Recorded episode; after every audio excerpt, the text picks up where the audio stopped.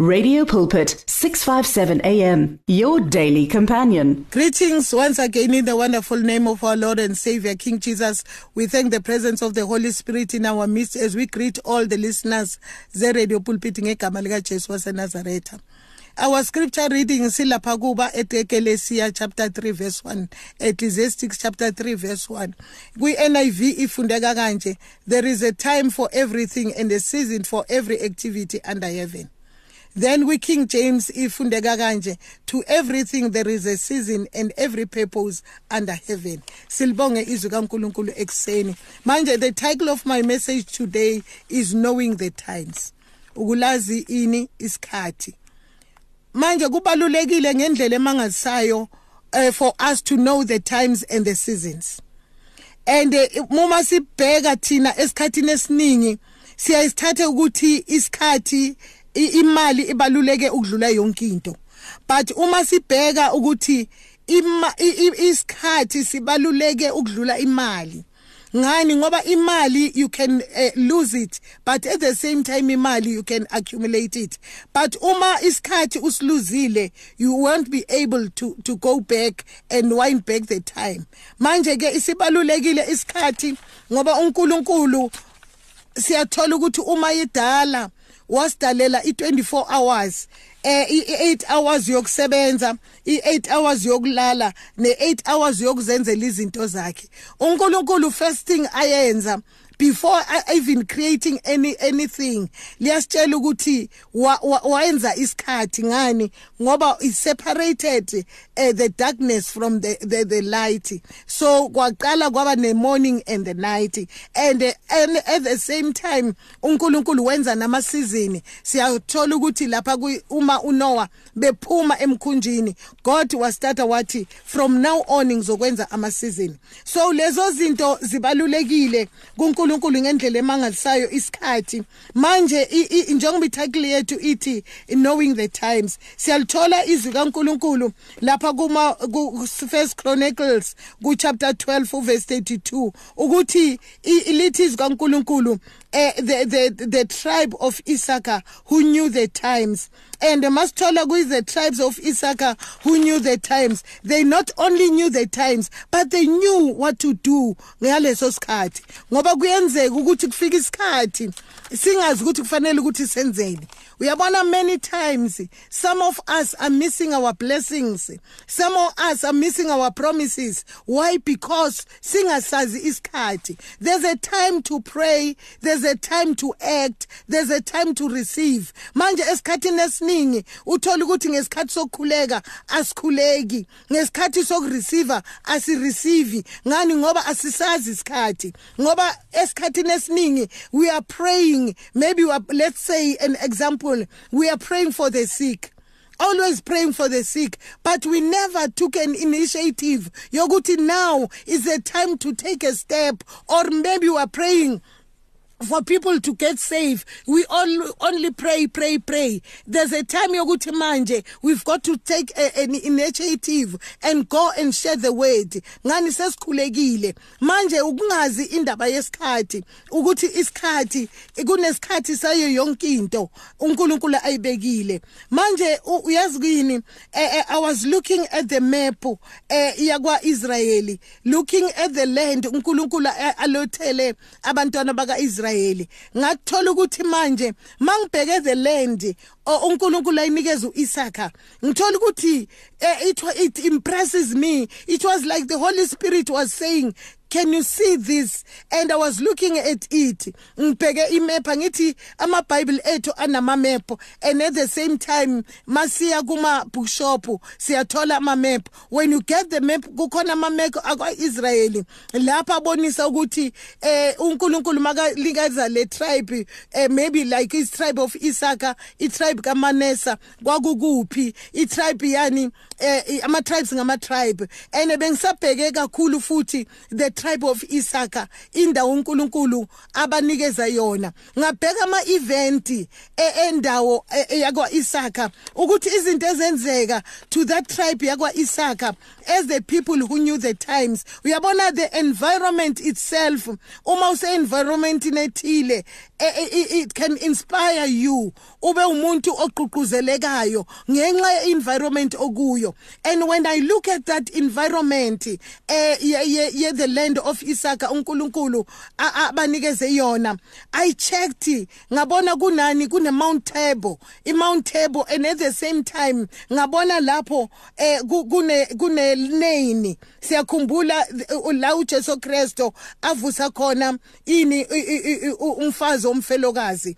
Manje ngabheka ukuthi this environment indawo uNkulunkulu ayinikeza uIsaka this land but at the same time i land environment yakhona it affected abantu abaphila kuyo. Uma sibheka uJesu Kristo engeneneni wangena just on time. Wangena just on time lapho kune procession. La kwakuyongcwatshwa umfa um, indodana yomfazi womfelokazi. He came at the right time. Lapho besahambisa lo lomzimba and he was able ukuthi araise that boy. Ngani ngenxa ye environment elapho? This is in the land of Isaka. And at the same time when i look at that land of Isaka ngacabanga ukuthi le environment not only bekinabantu abanjengesizwe saka Isaka but bekuyindawo eyenze ukuthi abantu mabekuleyo ndawo bakwenza kwazi ukwenza izinto ngesikhathi esifanelekile. Now we look at indaba kaDibora ukuthi uDibora naye he was lapho iMount Table ngoba siyazi ukuthi uDibora eh wayolwa impi. And lapha sibheke ku Judges chapter um eh 4 4 wakhona la ku Judges chapter 5 lithi lana in the days of verse 6 in the days of Shamka son of Anat in the days of Jael the roads were abandoned travelers took the winding paths. Verse 7 village life in Israel ceased ceased until I Deborah arose arose a mother uh, in Israel. Manje lana sibona those two verses. They are talking about two different women. They are talking about uh, in the days of Jael. Uh, Jael is a woman.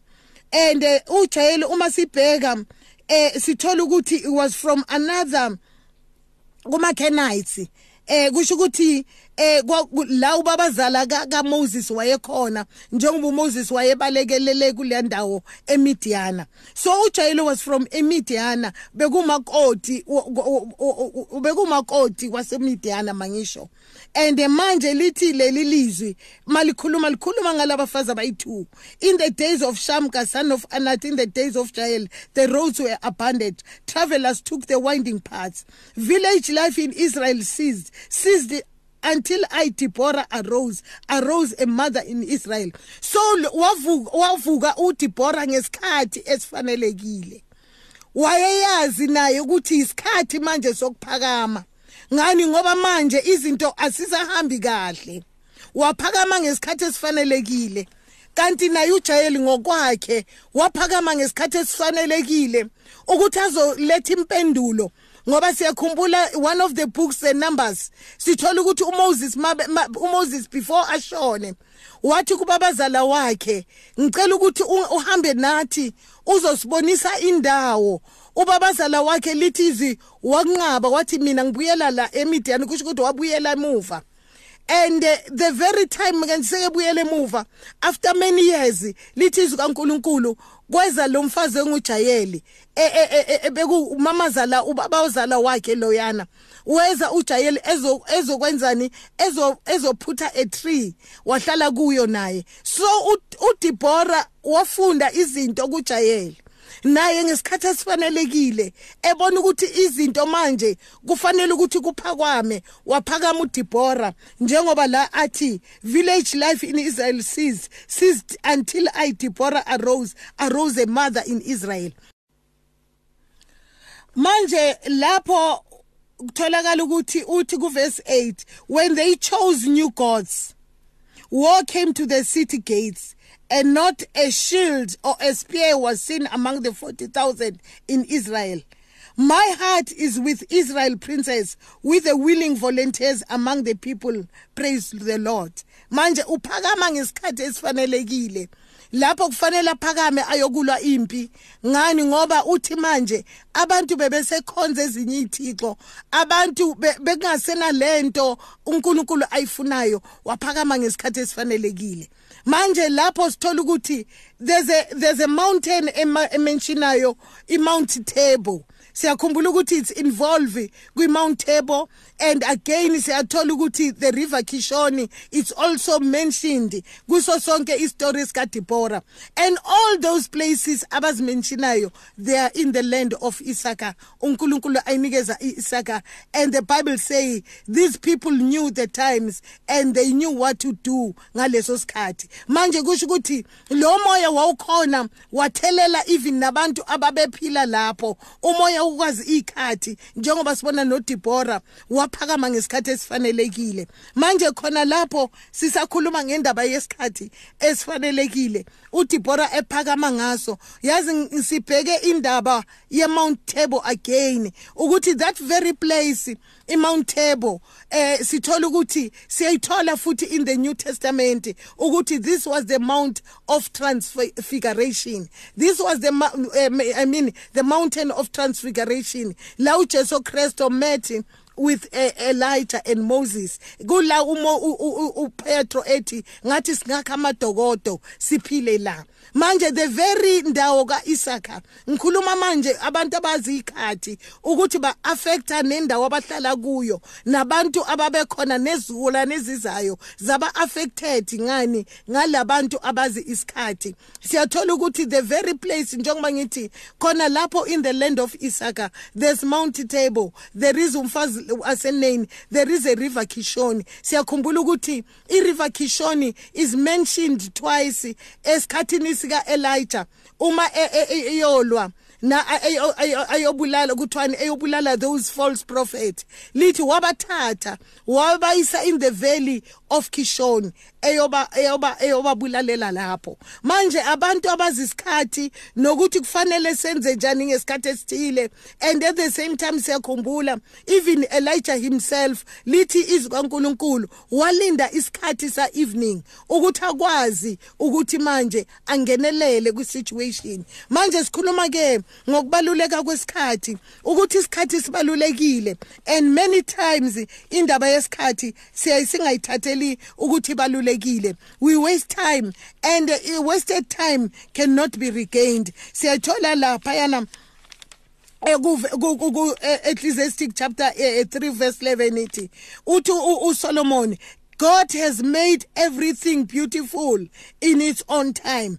Manje uma ngabe ungasazi isikhathi. You'll not not even understand ukuthi manje this is the time uNkulunkulu enze everything beautiful. Ngoba asihlali isikhathi si beautiful.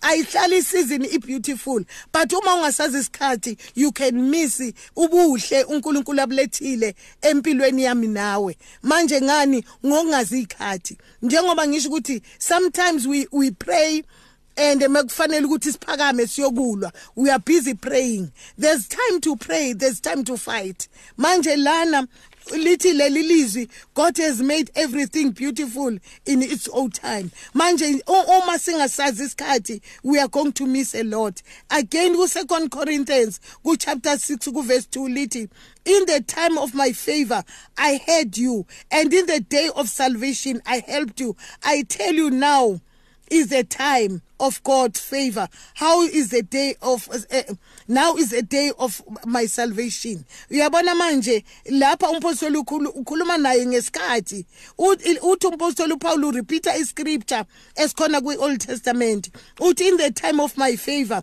I heard you. Manje kukhona isikhathi sefavor kaNkuluNkulu. La ukuthi uNkulunkulu ifavor yakhe ingakufikela khona isikhathi sefavor. And manje sometimes uma ungasazi isikhathi you'll miss even ifavor kaNkuluNkulu. Manje lana again ithi lena in the day of salvation i helped you.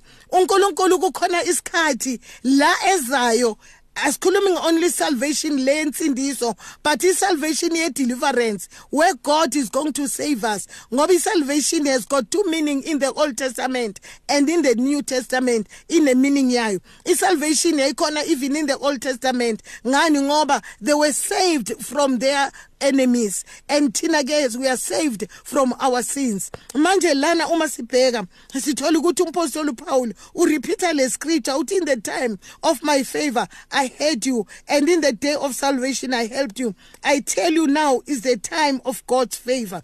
Now is a time of God's favor. Sometimes siyafika isikhathi se God's favor ungasiboni. Njengoba nezwi lapha kuma Hebrews lithi now is the time of salvation now is a time of salvation. Insindiso ngiyakufikela ungayiboni uyimise. Ngani ngongazi isikhathi.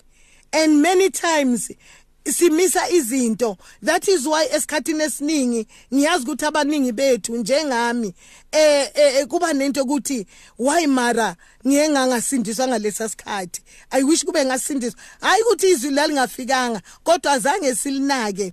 And manje kwadlula isikhathi wazosindiswa ngesikhathi esithile ovuma uJesu ngesikhathi esithile. Kanti manje hayi ukuthi akusisikhathi sefavor but there are things that we have missed. Njengoba sibona lapha kuSam sizofunda umahubo 31 eh 31 sifunde uverse 5 wakhona. uDavide ukhuluma naye ngendaba yesikhathi. Ukuthi isikhathi ngempela bangcwele sebalulekile ukwazi isikhathi. Ngoba uma singasazi isikhathi sokwenza izinto we'll miss some of the things. Lapha uDavide kumahubo 31 kuverse 15 wakhona. Uthi uDavide lapha my times are in your hands. Deliver me from my enemies and from those who pursue me. Uthi my times are in your hands athi deliver me from those who pursue me. Uyazi ukuthi kukhona isikhathi se deliverance kukhona isikhathi engingasisona se deliverance siyakhumbula uNkulunkulu uDavide uma approach uNkulunkulu ngokempini uzathi uNkulunkulu ngiyilandelele ngiyiphesue lempina athi uNkulunkulu makathi yes. Athi uzonginqobela na? Ngoba ebezoyiphesua into and still anganqotshelwa manje esikhathini esiningi thina sifuna ukwenza into ngesikhathi sethu. uNkulunkulu unesikhathi sakhe although God lives outside the times. uNkulunkulu akaconditionwa uphila ngapha kuthiwa outside the time. uNkulunkulu akaconditionwa manje sibheke ke izwi kaNkulunkulu ukuthi kunalesi sikhathi ezwini likaNkuluNkulu siyakhuluma ngesikhathi. Manje okubalulekile ukuthi we should know the times ngoba kukhona isikhathi kuthiwa iRiga time. Kukhona isikhathi esibizwa ukuthi Riga. That Riga means uh, uh, uh, the time between meaning that between what you've prayed for and the time of receiving there is a gap in between. So in the riga time kufanele ukuthi wazi ukuthi wenzani. In the riga time while you are still waiting for in impendulo yakho. For example abantwana eh, eh, the parable yama 12 virgins. Ama 12 virgin they were waiting all of them they were waiting uh, for for for the bridegroom. And all of them as they were waiting for the bridegroom. But laba banye they were wise enough ukuthi in between the times they collect the oil for their lamps and those abanye they were foolish enough ukuthi they were busy belele ngaleso sikhathi besalinda umyeni. Until umyeni makefika kukhona beyofuna into ebekufanele ukuthi bayilande ngalesa sikhathi or bayisave ngalesa sikhathi umyeni engakafiki. Manje we are talking about the times here ukuthi there are times ekufanele ukuthi wenze izinto there are times engafanelanga ukuthi uzenze. That is why sometimes abanye abantu makavelelwa ingozi kuthiwa eh, besendaweni wrong ngesikhathi esirong ngani kukhona indawo engafanelanga ukuthi ube kuyo ngesikhathi esithile? And as we are talking about the times ke manje ukubaluleka kwesikhathi ukuthi we should to know the time uNkulunkulu asenze kahle. Manje sisakhona ne Kairos time. I Kairos time is a time between you and God alone. And khona i chronological time which is a time eyethu sonke. Manje ekseni kwanamhlanje kubalulekile ukwazi ikhathi ngani? Ngoba isikhathi sibalulekile kuNkulunkulu and liyasho nezwi kaNkulunkulu lithi masiqaphele ikhathi and ikhathi uNkulunkulu wasinikeza iwash lakhe sesivala. Iwash lakhe yilezi zinto uJesu azikhuluma ngokuthi iprophets the end of time. Ithi end of time. Siyabona ukuthi khona isikhathi ekuzophela kwesikhathi ngoba khona ezinye izinto ekufanele zenzeke ngoba sekufika isikhathi sazo. May god richly uh, bless us this morning ukuthi uNkulunkulu sifundise izikhathi njengomoses wakhuleka lapha kumahubo 90 athi teach me to number the days of my life so that I can be wise. Manje if you you, you don't uNkulunkulu doesn't teach us to number the days of our life, we cannot be wise enough. May God richly bless you in the mighty name of Jesus Christ of Nazareth. Amen. Come live the life at 657 AM. Radio Pulpit understands that praying alone isn't always easy. So, join us to form a chain of prayer for you and with you. To do so, send in your prayer requests on 067 7564. That is 067 7564. Or alternatively, email us on prayer at radiopulpit.co.za. That is prayer at radiopulpit.co.za. It's good for you as our listener to know about Radio Pulpit's activities. Or do you need advice in an area of your life? Then why don't you log on to www.radiopulpit.co.za? Here you can talk to us, listen to us via live audio streaming, and there is also other reading material for the soul. What are you waiting for? Visit the Radio Pulpit website right now www.radiopulpit.co.za. Radio Pulpit, your daily companion. You and 657 AM and life, a winning team on the road to eternity.